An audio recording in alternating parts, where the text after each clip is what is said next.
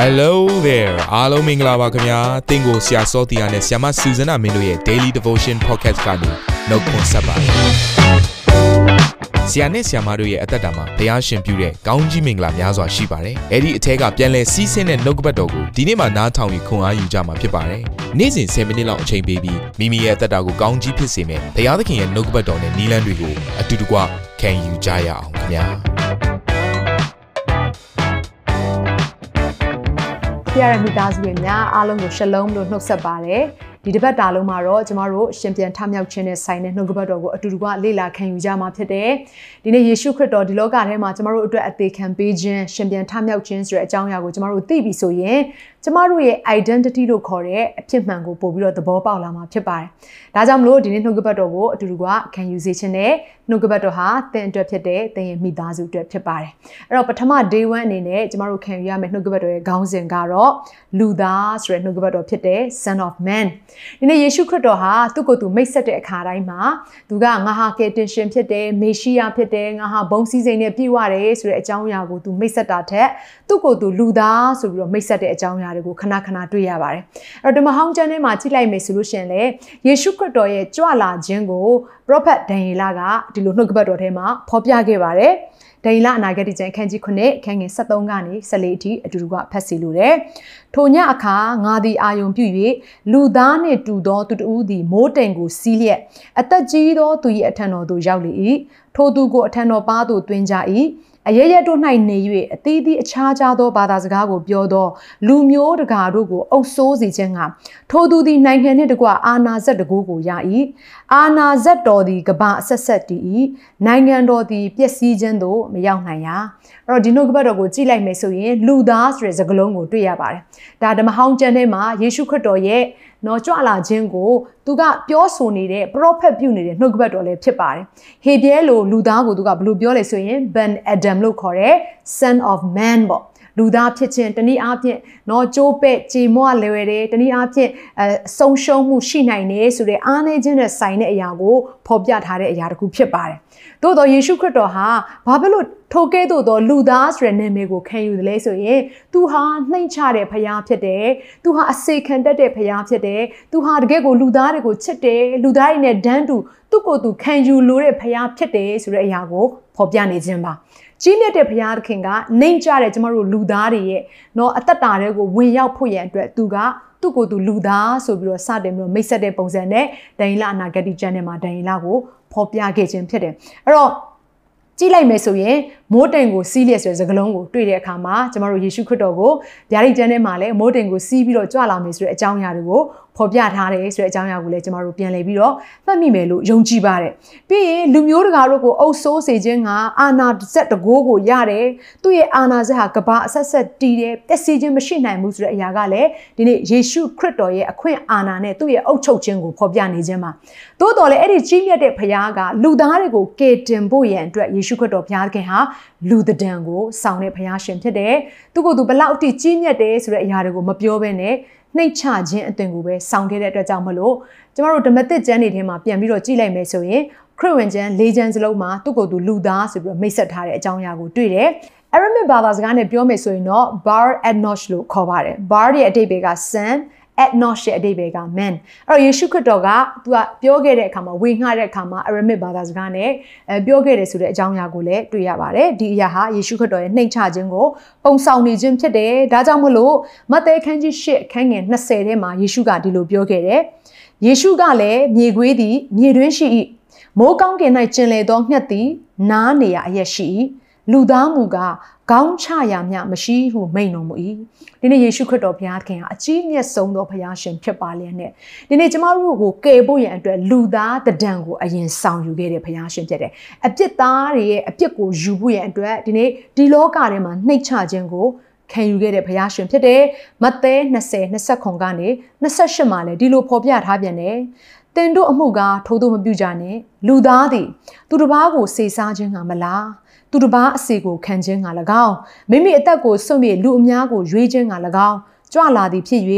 ထိုနည်းတူတင်တို့တွင်အကဲအမှုပြုလိုသောသူကိုတင်တို့အစီကံဖြစ်စေတင်တို့တွင်အထွတ်အမြတ်လှုပ်ချင်သောသူကိုလည်းတင်တို့ကျွန်ဖြစ်စေဟုမိန်တော်မူ၏ဒီနေရာမှာလည်း son of man လူသားဖြစ်တဲ့ယေရှုခရစ်တော်က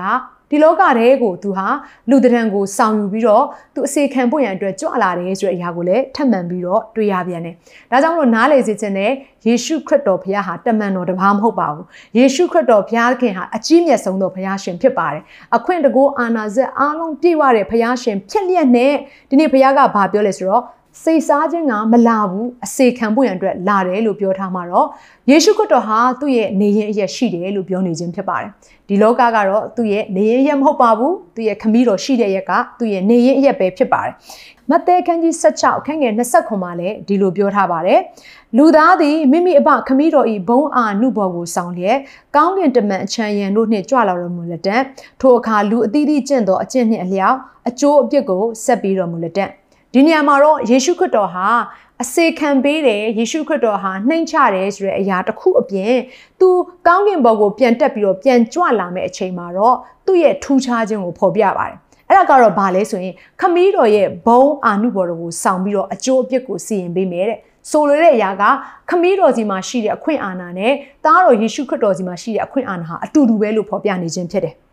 ဒါကြောင့်မလို့နားလည်စေခြင်းနဲ့ယေရှုခရစ်တော်ဘုရားခင်ဒီအသက်ရှင်တော်ဘုရားကြီးမြတ်တော်ဘုရားခမည်းတော်ကဲ့သို့ဘုံတကူအာနုဘော်တော်နဲ့ပြည့်စုံတဲ့ဘုရားအပြစ်စီရင်မဲ့ဘုရားဖြစ်တယ်ဆိုတဲ့အရာကိုဒီနေ့နှုတ်ကပတ်တော်အားဖြင့်နားလည်ရပါတယ်မဿဲခန်းကြီး26အခန်းငယ်64ထဲမှာလည်းဒီလိုဖော်ပြထားပြန်တယ်ယေရှုကသင်ဆိုသည့်အတိုင်းမှန်၏ထိုမြမကငါဆိုသည်ကနောင်ကာလ၌လူသားသည်တကိုးတော်ဤလက်ရဘက်၌ထိုင်လျက်မိုးတိမ်ကိုစီး၍ကြွလာသည်ကိုသင်တို့သည်မြင်ရကြလက်တံဟုမိန်တော်မူ၏ ဒီနှုတ်ကပတ်တော်ကတော့ယေရှုခရစ်တော်ကိုယ်တိုင်ပြောခဲ့တဲ့အရာဖြစ်တယ်။ဒါကတော့ဒိန်လအနာဂတိကျမ်းထဲမှာဖော်ပြခဲ့တဲ့မိုးတိမ်ကိုစီးခြင်းဆိုတဲ့အရာကိုဒီမှာယေရှုခရစ်တော်ကအဲသူကိုယ်တိုင်မိုးတိမ်ကိုစီးပြီးတော့ကြွလာမယ်ဆိုတဲ့အကြောင်းအရာကိုနှိုင်းရှင်ပြီးတော့ဖော်ပြနေတာဖြစ်ပါတယ်။ဒါကြောင့်မို့ယေရှုခရစ်တော်ရဲ့ကြွလာခြင်းဆိုတဲ့အရာကဒန်ယေလကဲ့သို့သော prophet တွေဟေရှာယကဲ့သို့သော prophet တွေကကြိုတင်ပြီးတော့မှတော့ပြောခဲ့တဲ့အရာတွေဖြစ်တယ်ဆိုတဲ့အရာကိုနားလည်စီရှင်ပါတယ်။အဲ့တော့ယေရှုခရစ်တော်ကို ဟေရှာအနာဂတိကျမ်းမှာနော် prophet ဟေရှာကလည်းသူပြောခဲ့တဲ့အရာရှိပါတယ်ယေရှုခရစ်တော်ကြီးမြတ်တဲ့ဖခင်ကဒီလောကထဲကိုကြွလာမဲ့ပုံပန်းတဲ့လူစားတိကိုခံယူမဲ့ပုံပန်းတဲ့ကိုပြောပြခဲ့တယ်ဟေရှာအနာဂတိကျမ်းအခန်းကြီး9အခန်းငယ်14ထဲမှာဖြစ်တယ်ထို့ကြောင့်ထာဝရဘုရားသည်ကိုရော်တိုင်းနမိတ်လက္ခဏာကိုသင်တို့အားပေးတော်မူမည်ကြည့်ရှုလော့သူတို့သမီးကညာသည်ပရိသေတွေယူ၍တားယောက်ျားကိုဖွားမြင်လက်တံ ထိုသားကိုအေမာနွေလအမိဖြင့်မှဲ့ရလက်တံဟေရှာအခန်းကြီး6အခန်းငယ်9မှာလည်းဒီလိုပြောပြန်တယ်အကြောင်းမူကားငါတို့အဖို့သူငယ်ကိုဖွားမြင်၏ငါတို့အားသားကိုတနာတော်မူ၏ထိုသူသည်အုပ်ဆိုးခြင်းအာနာဇက်ရှိလိမ့်မည်နာမတော်မူကားအံ့ဩဖွယ်တိုင်ပင်ဘက်တကိုးကြီးသောဘုရားသခင်ထာဝရအဘငြိမ်သက်ခြင်းအရှင်ဟုခေါ်ပေါ်သမုတ်ခြင်းကိုခံတော်မူလိမ့်မည်အဲ့တော့ဒီညမှာကြည့်လိုက်တဲ့အခါမှာအဲ့အကြီးမြတ်ဆုံးသောသားတော်ယေရှုခရစ်တော်ကအပြစ်သားတွေကို ကယ်ဖို့ရန်အတွက်ဒီနေ့အပြစ်သားတွေရဲ့ခန္ဓာကိုယ်ဖြစ်တဲ့လူရဲ့ခန္ဓာကိုယ်ကိုလာရောက်ပြီးတော့ယူတယ်ဆိုတဲ့အကြောင်းအရာကိုတွေ့ရပါတယ်။ဒါကြောင့်မို့ယေရှုခရစ်တော်ဟာလူသားအစင်သက်သက်တော့မဟုတ်ပါဘူး။ယေရှုခရစ်တော်ဟာလူသားအစင်သက်သက်ပဲမဟုတ်ပါဘူး။100%ဖျားဖြစ်တယ်ဆိုတဲ့အရာကိုလည်းမမေ့စေချင်ဘူး။ကျမတို့ကိုးကွယ်သောဖျားသခင်ဟာလူသားတွေရဲ့ခံစားချက်တွေလူသားတွေရဲ့နာကျင်ခြင်းတွေလူသားတွေရဲ့ခါးသီးခြင်းတွေအားလုံးကိုလာယူဖို့ရန်အတွက် လူစားတိတာခံယူခြင်းဖြစ်ပါတယ်။ဒါကြောင့်မလို့တက်ကောအခန်းကြီး15အခန်းငယ်45ထဲမှာဒီလိုပြောခဲ့တယ်။ကျမ်းစာလာသည်ကရှေးဥစွာသောလူအာရန်သည်အသက်ရှင်သောတတဝါဖြစ်၏ဟုလာသည်။ယခုတွင်နောက်ဆုံးဖြစ်သောအာရန်မူကအသက်ရှင်စေတတ်သောဝိညာဉ်ဖြစ်၏။အဲ့တော့ဒီနေရာမှာပြောထားတဲ့အရာကကပ္ပဦးကျမ်းထဲမှာရှိနေတဲ့အာရန်ကတော့တဲ့အသက်ရှင်တဲ့တတဝါဖြစ်တယ်တဲ့။ဆိုလိုတဲ့အရာကဖန်ဆင်းခံဖြစ်တဲ့အာဒံလို့ပြောနေခြင်းပါသို့တော့ယခုတွင်နောက်ဆုံးအာဒံမူကအသက်ရှင်စေတတ်သော ဝိညာဉ်ဖြစ်တယ်လို့ပြောတဲ့အခါမှာနောက်ဆုံးအာရန်ဆိုတာယေရှုခရစ်တော်ကိုယဉ်ညွတ်နေခြင်းဖြစ်ပါတယ်လူသားကိုယဉ်ညွတ်နေခြင်းဖြစ်ပါတယ်အသက်ရှင်စေတတ်သောဝိညာဉ်လို့ပြောတဲ့အခါမှာသူကအသက်ကိုပေးပိုင်တဲ့အရှင်လို့ပြောနေခြင်းဖြစ်တယ်။ဆိုလိုတဲ့အရာကယေရှုခရစ်တော်ဟာဖန်ဆင်းရှင်ဖြစ်တယ်။ယေရှုခရစ်တော်ဘုရားခင်ကကျွန်တော်တို့လူသားတွေကိုကယ်တင်ဖို့ရန်အတွက်လူစားတိကိုခံယူတယ်။နော်အာဒံရဲ့နေရာမှာဝင်ရောက်ပြီးတော့ဒီလောကကိုပြန်လည်ပြီးတော့ကယ်တင်ဖို့ရန်အတွက်ယူခဲ့တယ်ဆိုတဲ့အကြောင်းအရာကိုပြောနေခြင်းပါပထမအာဒံကတော့ဒီလောကကိုပျက်စီးစေတယ်သို့တော့နောက်ဆုံးအာဒံဖြစ်တဲ့ယေရှုခရစ်တော်ကတော့ဒီလောကထဲမှာရှိနေတဲ့အမင်္ဂလာအားလုံးကိုချိုးဖျက်ဖို့ရန်အတွက်ယေရှုခရစ်တော်ဟာအသက်ရှင်စေတတ်သောဝိညာဉ်ဖြစ်တယ်လို့ဖော်ပြထားပါတယ်ဒါကြောင့်မလို့ဒီနေ့နားလေစေခြင်းနဲ့ကြီးမြတ်တဲ့ဖယားရှင်ဟာတင့်ကိုကယ်ဖို့ရန်အတွက်လူသားဆိုတဲ့တဒံကိုယူပြီးတော့ဒီလောကကိုကြွလာပါပြီ တင့်ကိုချစ်လုံးလို့ဒီလောကထဲမှာအစေခံကြုံတဲ့တံကိုဆောင်ယူခဲ့တယ်ဆိုတဲ့အရာကိုဒီနေ့မှာနှုတ်ကပတ်တော်အားဖြင့်ဖော်ပြလိုပါတယ်အခုချိန်မှာမိသားစုဝင်တယောက်ချင်းစီတိုင်းအတွက်ကျွန်တော်ဆူတောင်းပေးလိုပါတယ်အတူတူကဆူတောင်းကြပါစို့ အသက်ရှင်သောဖရာကြီးမြတ်သောဖရာသားသမီးတယောက်ချင်းစီတိုင်းကိုချစ်ပြီးတော့အစေခံကြုံတဲ့ံကိုဆောင်ယူတော်မူသောဖရာဒီနေ့ကိုရဲ့မျက်မှောက်တော်ထဲမှာသားသမီးအသက်တာအသီးသီးကိုစက္ကဲအနှံပါတယ်ကိုရဟာကြီးမြတ်လျက်နဲ့မင်းသားသမီးတို့ကိုချစ်၍အစေခံကြုံတဲ့ံကိုဆောင်တယ်။အိုးတကယ်ကိုဒီလောကထဲမှာရှိတဲ့နာကျင်ခြင်းစိတ်ရင်ခြင်းအားလုံးကိုသားသမီးတို့အတွက်ယူဆောင်သွားပြီလို့ကိုရောကိုယေရှုတင်ပါတယ်။ ကိုရလောက်ကြီးမြတ်တဲ့ဖခင်မရှိပါဘူးကိုရလောက်သားသမီးတို့ကိုချစ်တတ်တဲ့ဖခင်မရှိပါဘူးကိုရလောက်သားသမီးတို့ရဲ့အပေါ်မှာကောက်မြတ်တဲ့ဖခင်ရှင်မရှိပါဘူးဒါကြောင့်မလို့ဒီနေ့သားတို့အသက်တာကိုကိုရောကိုပေးပါတယ်သားတို့နှလုံးသားထဲမှာကိုရောကိန်းဝတ်ပါအုပ်ဆိုးတော်မူပါယေရှုနာမကိုအမိပြု၍အသက်တာအသီးသီးကိုစက္ကဲအနံ့၍ကိုရောထံကိုတိုးဝင်ကြပါတယ်အဖမြတ်စွာဘုရားသခင်အာမင်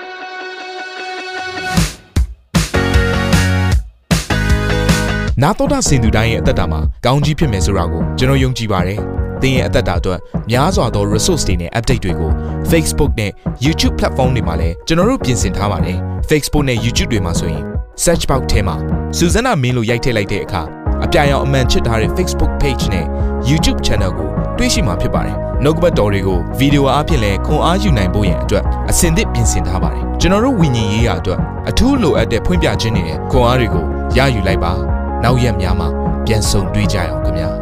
အားလုံးကိုနှုတ်ဆက်ပါတယ်